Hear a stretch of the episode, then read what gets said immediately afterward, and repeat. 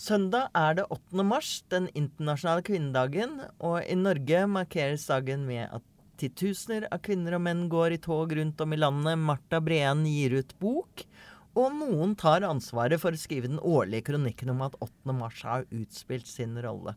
Martine Aurdal, eh, debattredaktør, har du fått den kronikken, eller? Det er i hvert fall ingen som får den på trykk i Dagbladet i år. Eh, både du og jeg har jo vært gjennom eh, ganske mange runder med den diskusjonen tidligere, Marie. Men faktisk under denne regjeringen har abort seilt opp som et så brennhett tema at det har vært saksdebatt hvert år de siste årene, og rekordstore 8. mars-dag. Og noe som heter metoo eh, har også spilt en liten rolle, og det skal vi snakke litt om. Men først skal vi få Marta Breen inn i studio. I think it's a disgrace. Jeg syns det blir litt spesielt. At Dagbladet driver med Donald Duck-journalistikk, det kjenner vi alle til. Men dette holder ikke. Du snakker jo bare visvask av arbeidslivet. Helt useriøst. You are fake news. Go ahead.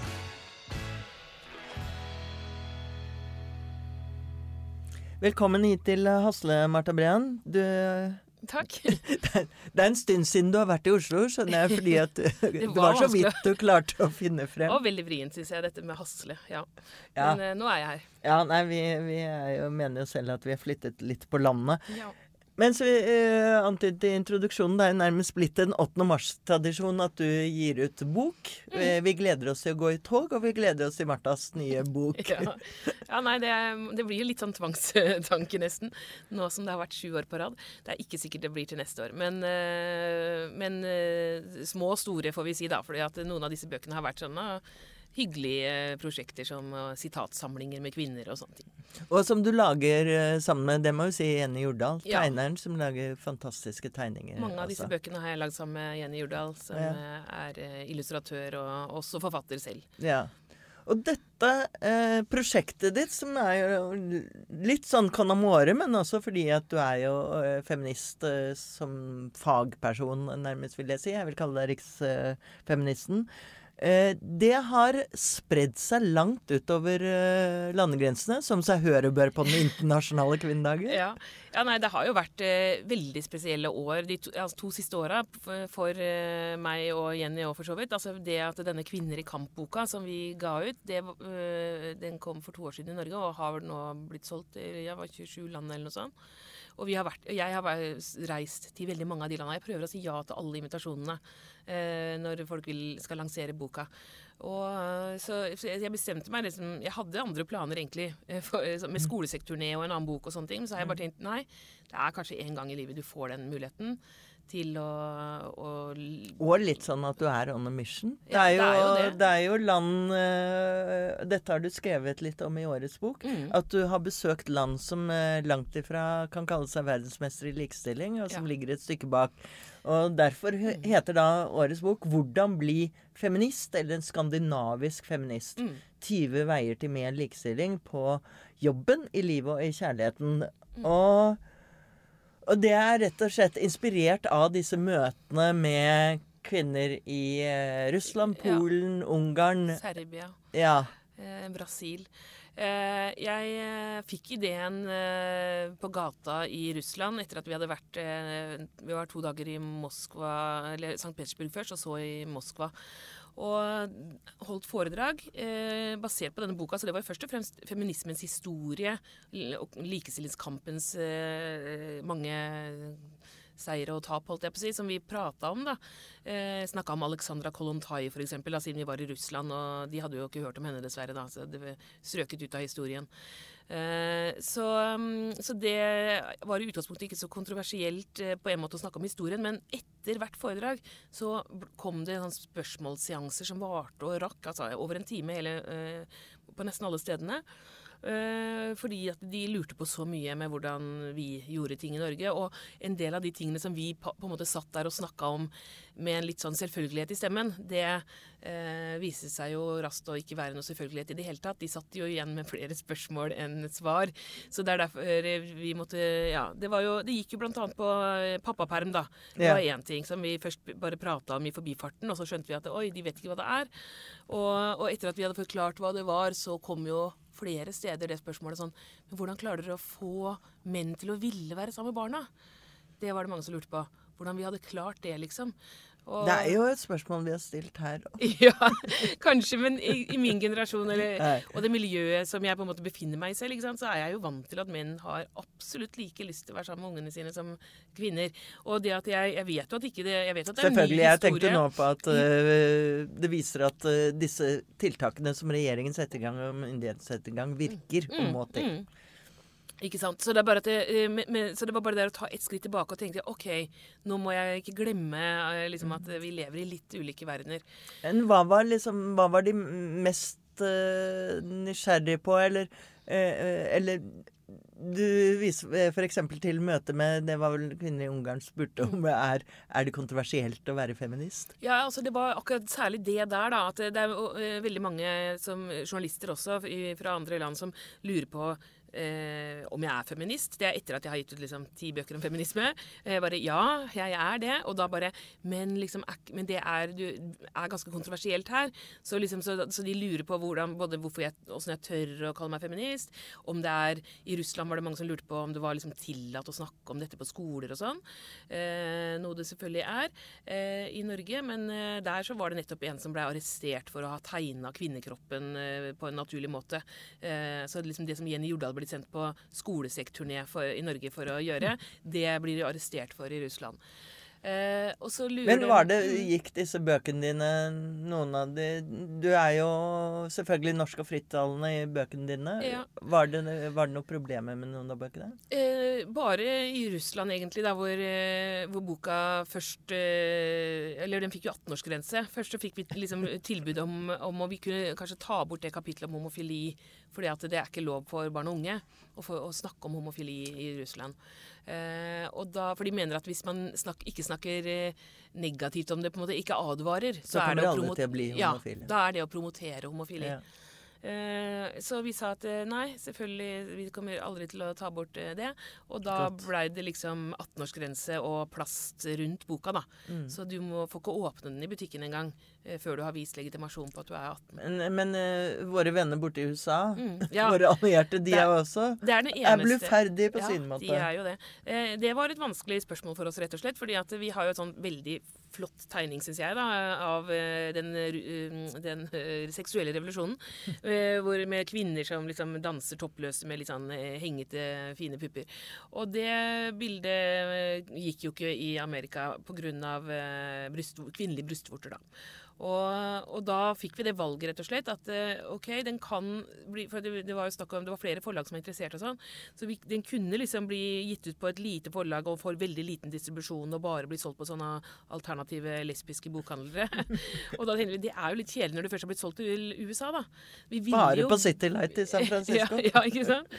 Så da blei det til at vi OK, vi får kle på disse Ta på noe klær på dem, men da var det sånn at da skulle også disse mannfolka i bare overkropp å få, få vester på, da, eh, sa, sa Jenny. For eh, det, det, var ikke påkrevd. Men vi sa at brystvorter er brystvorter, så da dekte vi til alle, da. Bra, dette er gjennomført. altså, USA hadde en justisminister for bare noen, noen år siden som dekket til statuen med fru Justitia, som hadde ett bart bryst.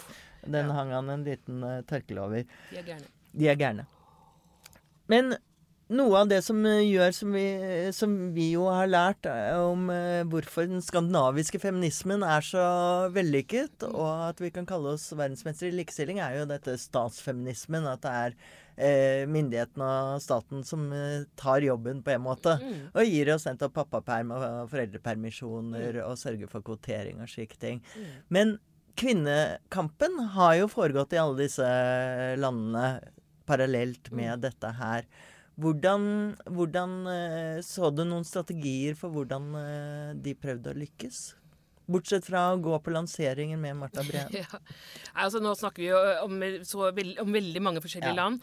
Eh, men det, jeg har jo prøvd men å følge noen eksempler Ja, altså, det, det, som vi ser nå eh, med, eh, I latinamerikanske land så er det jo ganske eh, stor, aktiv kvinnebevegelse som jobber bl.a. veldig mye med vold og voldtekt.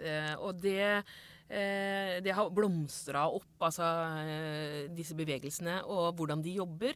Og det, det, du har sikkert sett den der videoen der eh, en voldtektsmann i, på din sti. Mm. Og, og den, det å ta i bruk f.eks. sosiale medier på den måten som man gjør nå, med i, i, det tilfellet her da, så var det en sånn flashmob, som de kaller det. Plutselig masse masse damer som har øvd inn en dans og en sang, som mm. filmer det og legger det ut, og så sprer det seg. Bare noen dager etter så er det liksom samme dansen i mm. Helsinki. Og noen dager etter så ser du det i et sted Fantastisk. I, ja, det er fantastisk. Og det eh, Så, så um, kvinnebevegelsen i Latin-Amerika har vært sterk lenge på veldig mange fronter, men nå så ser vi det kanskje litt mer. Eh, vi ser hva de driver med, da. Mm. Her også. Og så deilig å høre at sosiale medier har en viktig funksjon fortsatt. Ja, ja ikke sant. Det, er, det, har vært en, Jeg har skrevet ganske mye om det i forbindelse med det vi kaller for liksom den fjerde bølgen med feminisme, da, eh, om hvor eh, bevisstgjørende sosiale medier kan være. Selvfølgelig er det masse negativt denne, som, som, kan skje også i den samme tematikken. Eh, men, men, når det gjelder eh, unge mennesker og hvordan få dem engasjert i disse spørsmålene, så er, det, er Instagram for eksempel, utrolig viktig. Dette er jo noe jeg har gjort når jeg har reist på, turné, på sånn skoleturné i det siste tiåret. Så viser jeg jo mange sånne eksempler på rek, eh, seksualisert reklame, og viser sånn hvordan kvinner og menn framstilles helt forskjellig. da, Hvor menn får være nøytrale, og kvinner må være på tilbudssiden og mm. by seg fram. Og, og, disse tingene er det ikke så lett å snakke om uten å vise det helt konkret.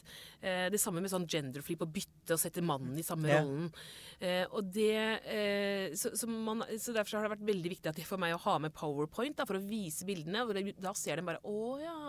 Det går opp et lys. Og det skjer også gjennom sosiale medier. Du ser disse tingene bare rett eh, og slett sånn som det er med en gang. Vi skal, eh, vi skal, snakke litt om metoo etterpå, mm. sammen med Martine. Eh, men eh, den er jo et eksempel på hvor, hvordan, eh, hvor kraftig sosiale medier kan virke inn i en slik kamp. Og du snakker om den fjerde bølgen. Ser du at disse unge rundt omkring er, eh, engasjerer seg på en, eh, på en, ny måte av det? Mm. Jeg føler det, at det er en det er, det er, veldig mye som skjer i generasjonene under meg, som ikke jeg egentlig klarer å følge med på. Eh, men, og, og de F.eks. dette her med sånn kroppspositivisme. da. det Er liksom, jeg er litt for gammel til å være med på det. Eh, kjenner, men jeg syns liksom det er bare wow. Hva tenker du på da? Ja, for Legge ut bilder av seg sjøl med hår under armene, eller uh, hvor man ikke ser så særlig bra ut og sånn. Uten filter og alt det der. Og det er, det er, jo veldig, veldig bra. Og det er et opprør der folk er drittlei. Ikke sant? Nå har liksom det der enorme utseendepresset som alltid har vært ille, men som er nå mye verre enn noen gang, selvfølgelig. Eh, og så kommer det da så mange tøffe jenter som er liksom i tenåra og oppover der, eh, som bare som er bare Nei, faen heller, vi gidder ikke. Og, og, på ulike måter viser Protesterer mot det, da. Ikke sant. Altså, jeg er jo enda en uh, generasjon, eller i hvert fall en halv generasjon mm. over deg. Og, og, og det derre Jeg var forleden og så på Thelma Louise mm. om igjen. Mm. Som var jo en sånn derre veldig ikonisk feministfilm mm. på 90-tallet. Og det som slo meg, var jo at uh, Jeg likte den fremdeles veldig godt. Uh, men det som slo meg, var jo at vi hadde jo ikke så mange forbilder, mens nå kryr du av dem. Mm, ja. eh, altså det er uh, jenter i band, det er jenter på film, det er uh, De har, har langt større makt og synlighet. Veldig, veldig mye større. Og det var jo Når jeg eh, begynte å engasjere meg i dette her på en måte litt sånn offentlig, var jo gjennom, på, gjennom den råtekstboka som kom i 1999, og som var, kom i kjølvannet av Fittstim. Og da var det på en måte Da ble det liksom snakka om at bølgen var eh, de, eh, tenår, de jentene der, liksom. Mm. Altså bare en liten gruppe jenter. Det var det, jeg, jeg, mener jo at det ikke var noen tredje bølge, jeg, i Norge. Eh, for, for, det skulle liksom være på 90-tallet, da. Det, da var alle veldig opptatt av individualisme og at man bare Vi har ikke noe felles selv om vi er jenter og sånn. Eh, ingen som samla seg rundt noe med det trøkket som er i dag. Det er noe helt, helt annet.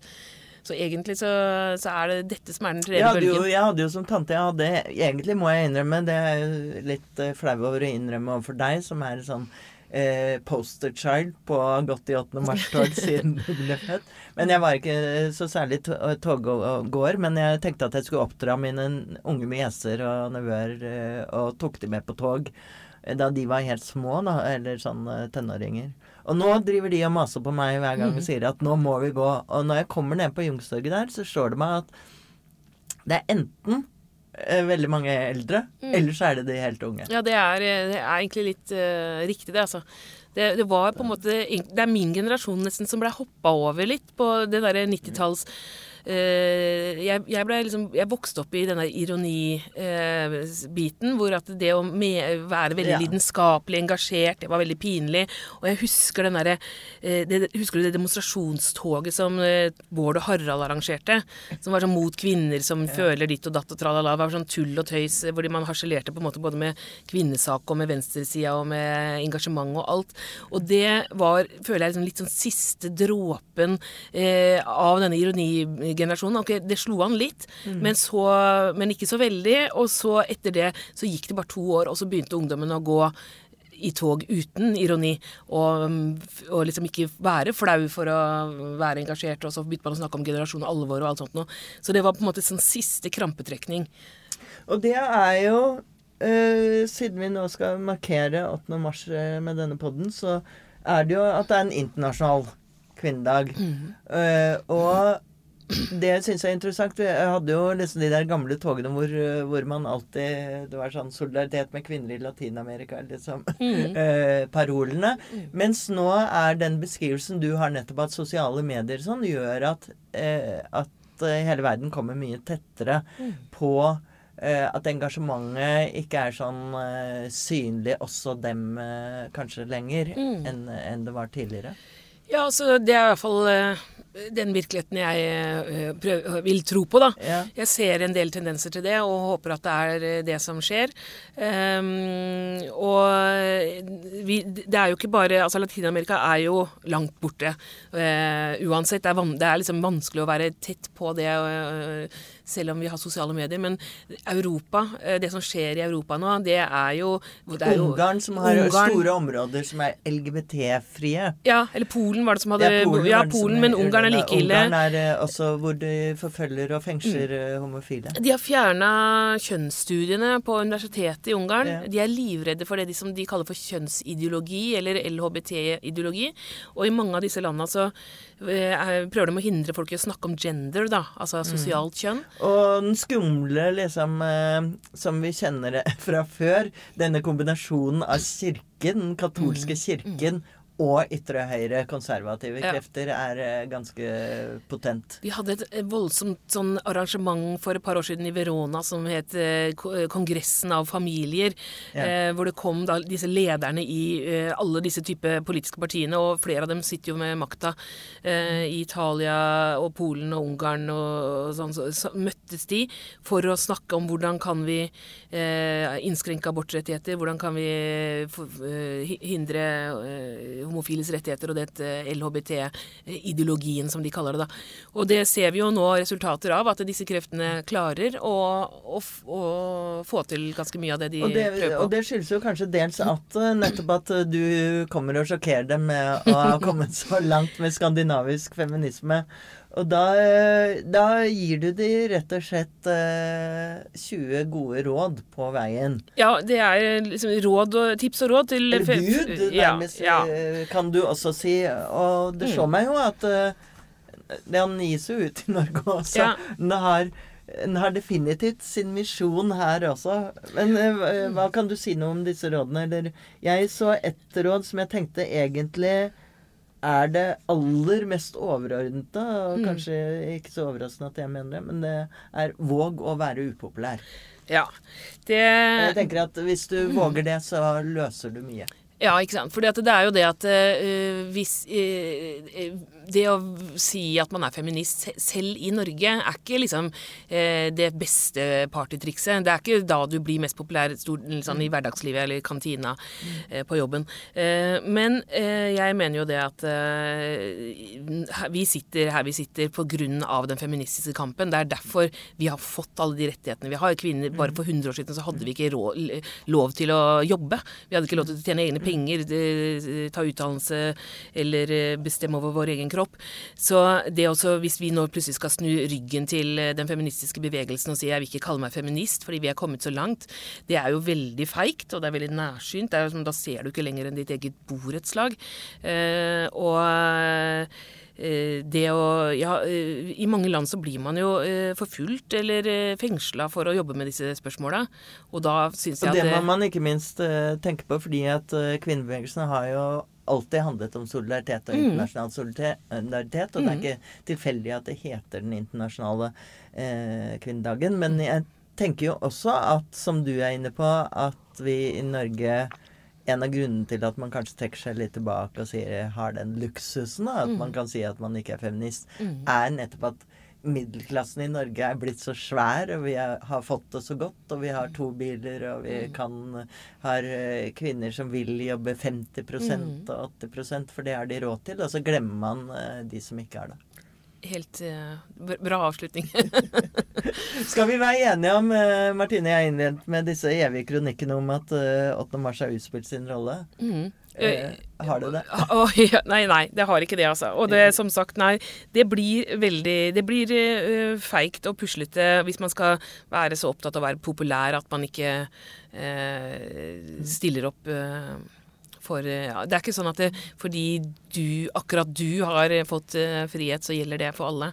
Og dermed, Så det må man ha i bakhuet.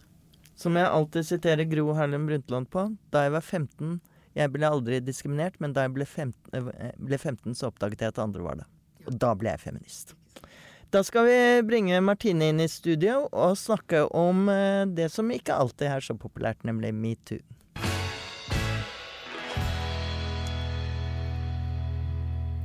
En av grunnene til at så mange unge engasjerer seg på nytt i kvinnekamp og i feminisme, er den såkalte metoo-bevegelsen, som søpte gjennom verden eh, for eh, høsten for to år siden, og, og fikk store konsekvenser for mange mektige menn som vi så, men også påvirket uh, vanlige menneskers liv. Her i, her i, Norge så stanget jo kanskje denne bevegelsen litt uh, hodet i den såkalte Giske-saken, som uh, på nytt er aktuelt, og det har kommet en ny bok om. Men vi skal ikke snakke om den nå.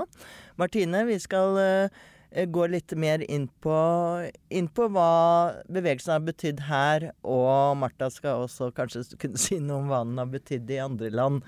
Eh, var det en revolusjon, den revolusjonen alle håpet på? Eh, jeg håper det.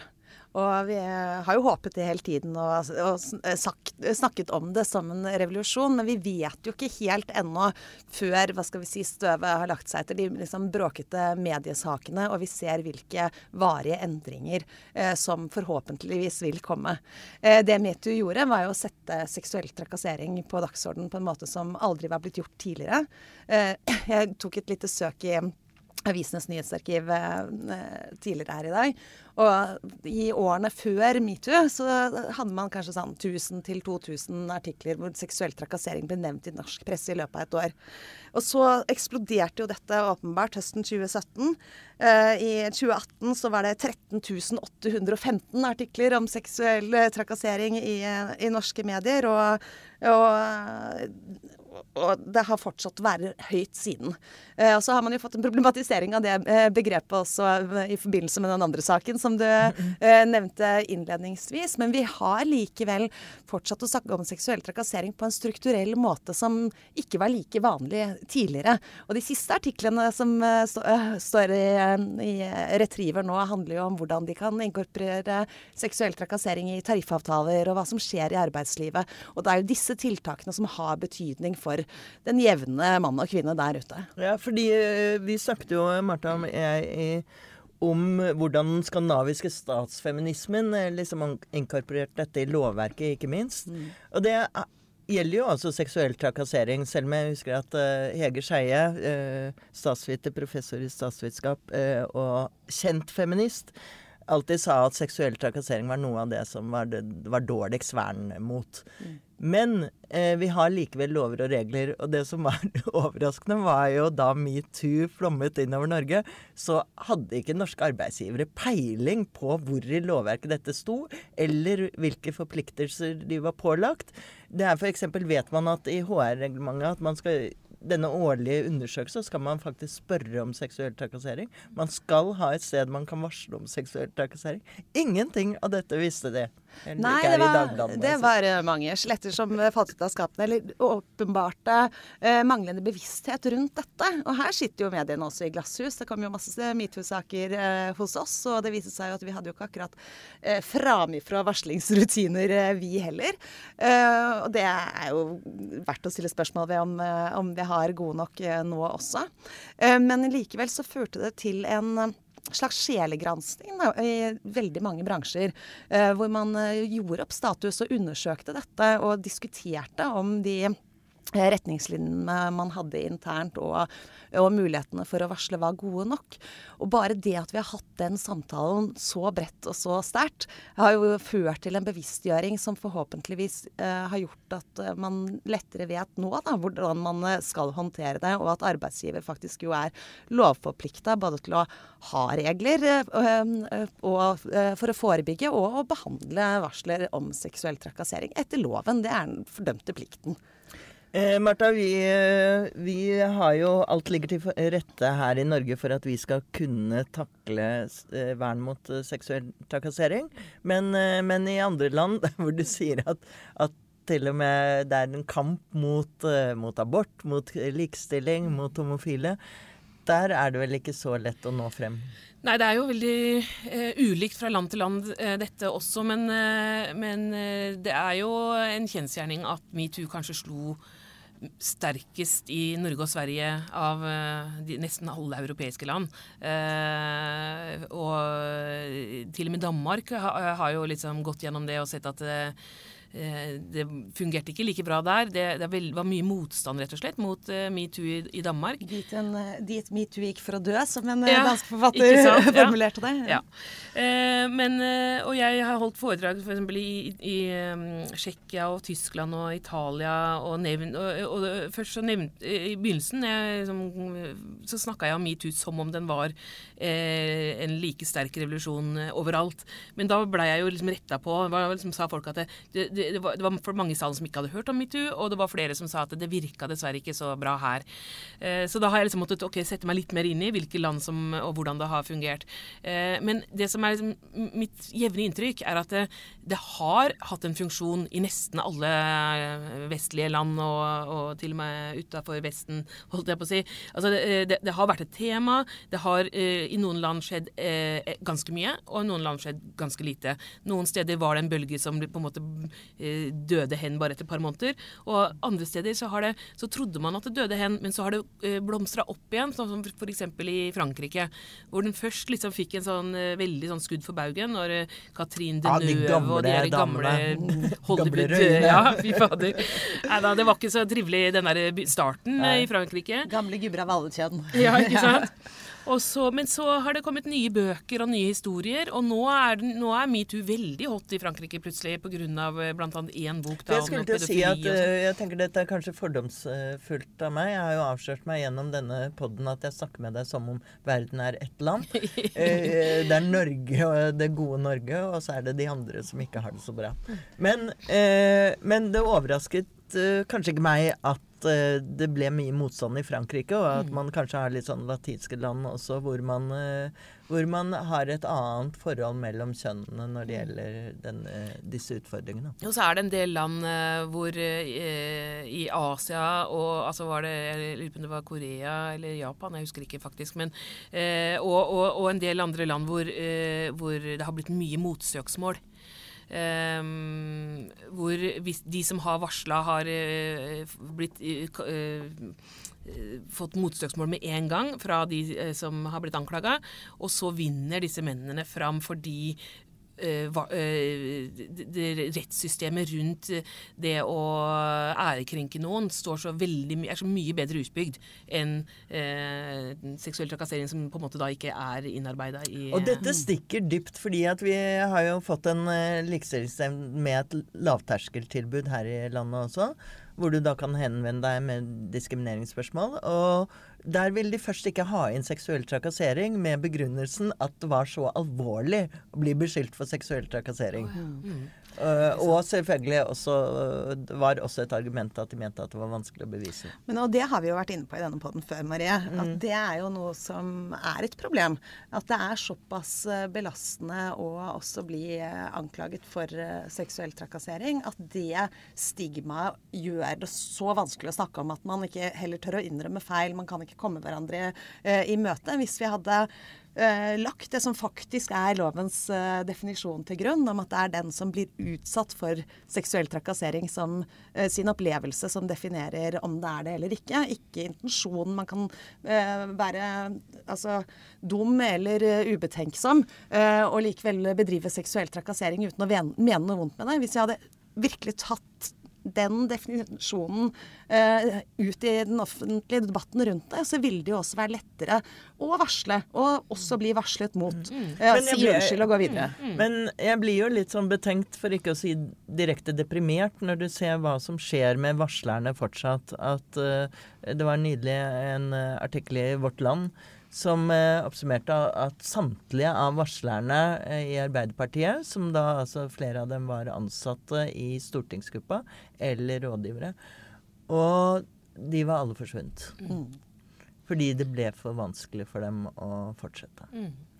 Så da tyder det jo ikke på at varsler, det å være varsler er uh, uten risiko Nei, det er, uh, fremdeles. Overhodet ikke. Og selv altså, de har de, som, altså hvor mange og hvem dette gjaldt, er jo ikke kjent i offentligheten nettopp fordi at disse varslerne har jo valgt å uh, være anonyme. Og, og det, er, uh, det, er, likevel altså en så utsatt posisjon å sette seg inn i at det, det kan få den type konsekvenser. Dessverre.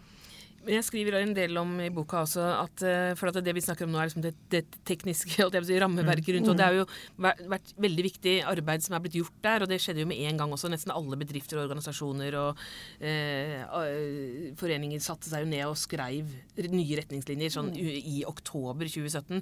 Så det har jo vært veldig viktig. Men kanskje nesten like viktig så har jo denne bevisstøkningen på feltet vært. Eh, for det har jo gjort at Eh, eh, selv, ikke ting som er sånn varslingsverdig, mm. holdt jeg på å si, eller som ikke, som ikke, kommer inn i det systemet, men som bare er at jenter eh, og kvinner har, vet liksom at nei, det er ikke greit. Det, den måten du snakker til meg på, er ikke grei. Det er jo den bevisstheten har også økt så veldig da, som følge av dette her.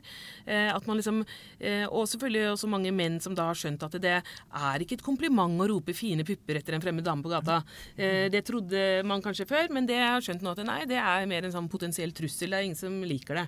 Og, så, det er på tide at det er sanken. Ja. men, men, dette er jo en generasjonsgreie. Altså den legend, smått legendariske ankeren i USA med MSNBC. Han, eh, Chris Matthews måtte jo nå gå av for åpen scene. Og det var ikke angivelig fordi at han hadde tafset på noen, som det heter, men fordi at han hadde vært trakasserende i kommentarene sine. Og så sa han at ja, det jeg trodde var komplimenter til eh, vakre kvinner, det, det, går ikke lenger. Og det er kanskje, kanskje, noe som har vært en lærdom i metoo. Og jeg tror noe av det mange liker ved bøkene dine, Martha, er nettopp at du skriver om disse tingene som egentlig ikke da kan defineres i lovverket, eller, eh, men som handler om de mellommenneskelige tingene, og, mm. som, eh, og som, hvor bevisstgjøring mm. er viktig. Ja. Nei, det er jo f.eks. dette her med, med hvordan vi oppdrar gutter og jenter, holdt jeg på å si. Og det, det, eh, det, mye av det som har vært typisk for guttekultur og mannskultur, har vært at seksualiteten er litt sånn konkurranseprega. At det er liksom sånn Hvor mange har du eh, hatt, og hvor mange har, kom, du, kom du, liksom Fikk du av buksa? Og, og den, den, guttekulturen og den tonen i de fellesskapene eh, er jo med å bidra til overgrep. Og de ekstreme tilfellene ser man jo hvert år i disse russebilene og Mm. russebussene. Der ser man det liksom man, helt eh, eh, vel, ja. eh, det, er, eh, det er jo så skrekkelig. Hva var det det var nå? Der, ingen jenter over 60 kilo får være med på bussen. Mm. Og, altså den tonen der som Men nå blir det iallfall slått ned på, da. Eh, og de møter mye motstand. Den kulturen er eh, ikke akseptert lenger på samme måten som den var.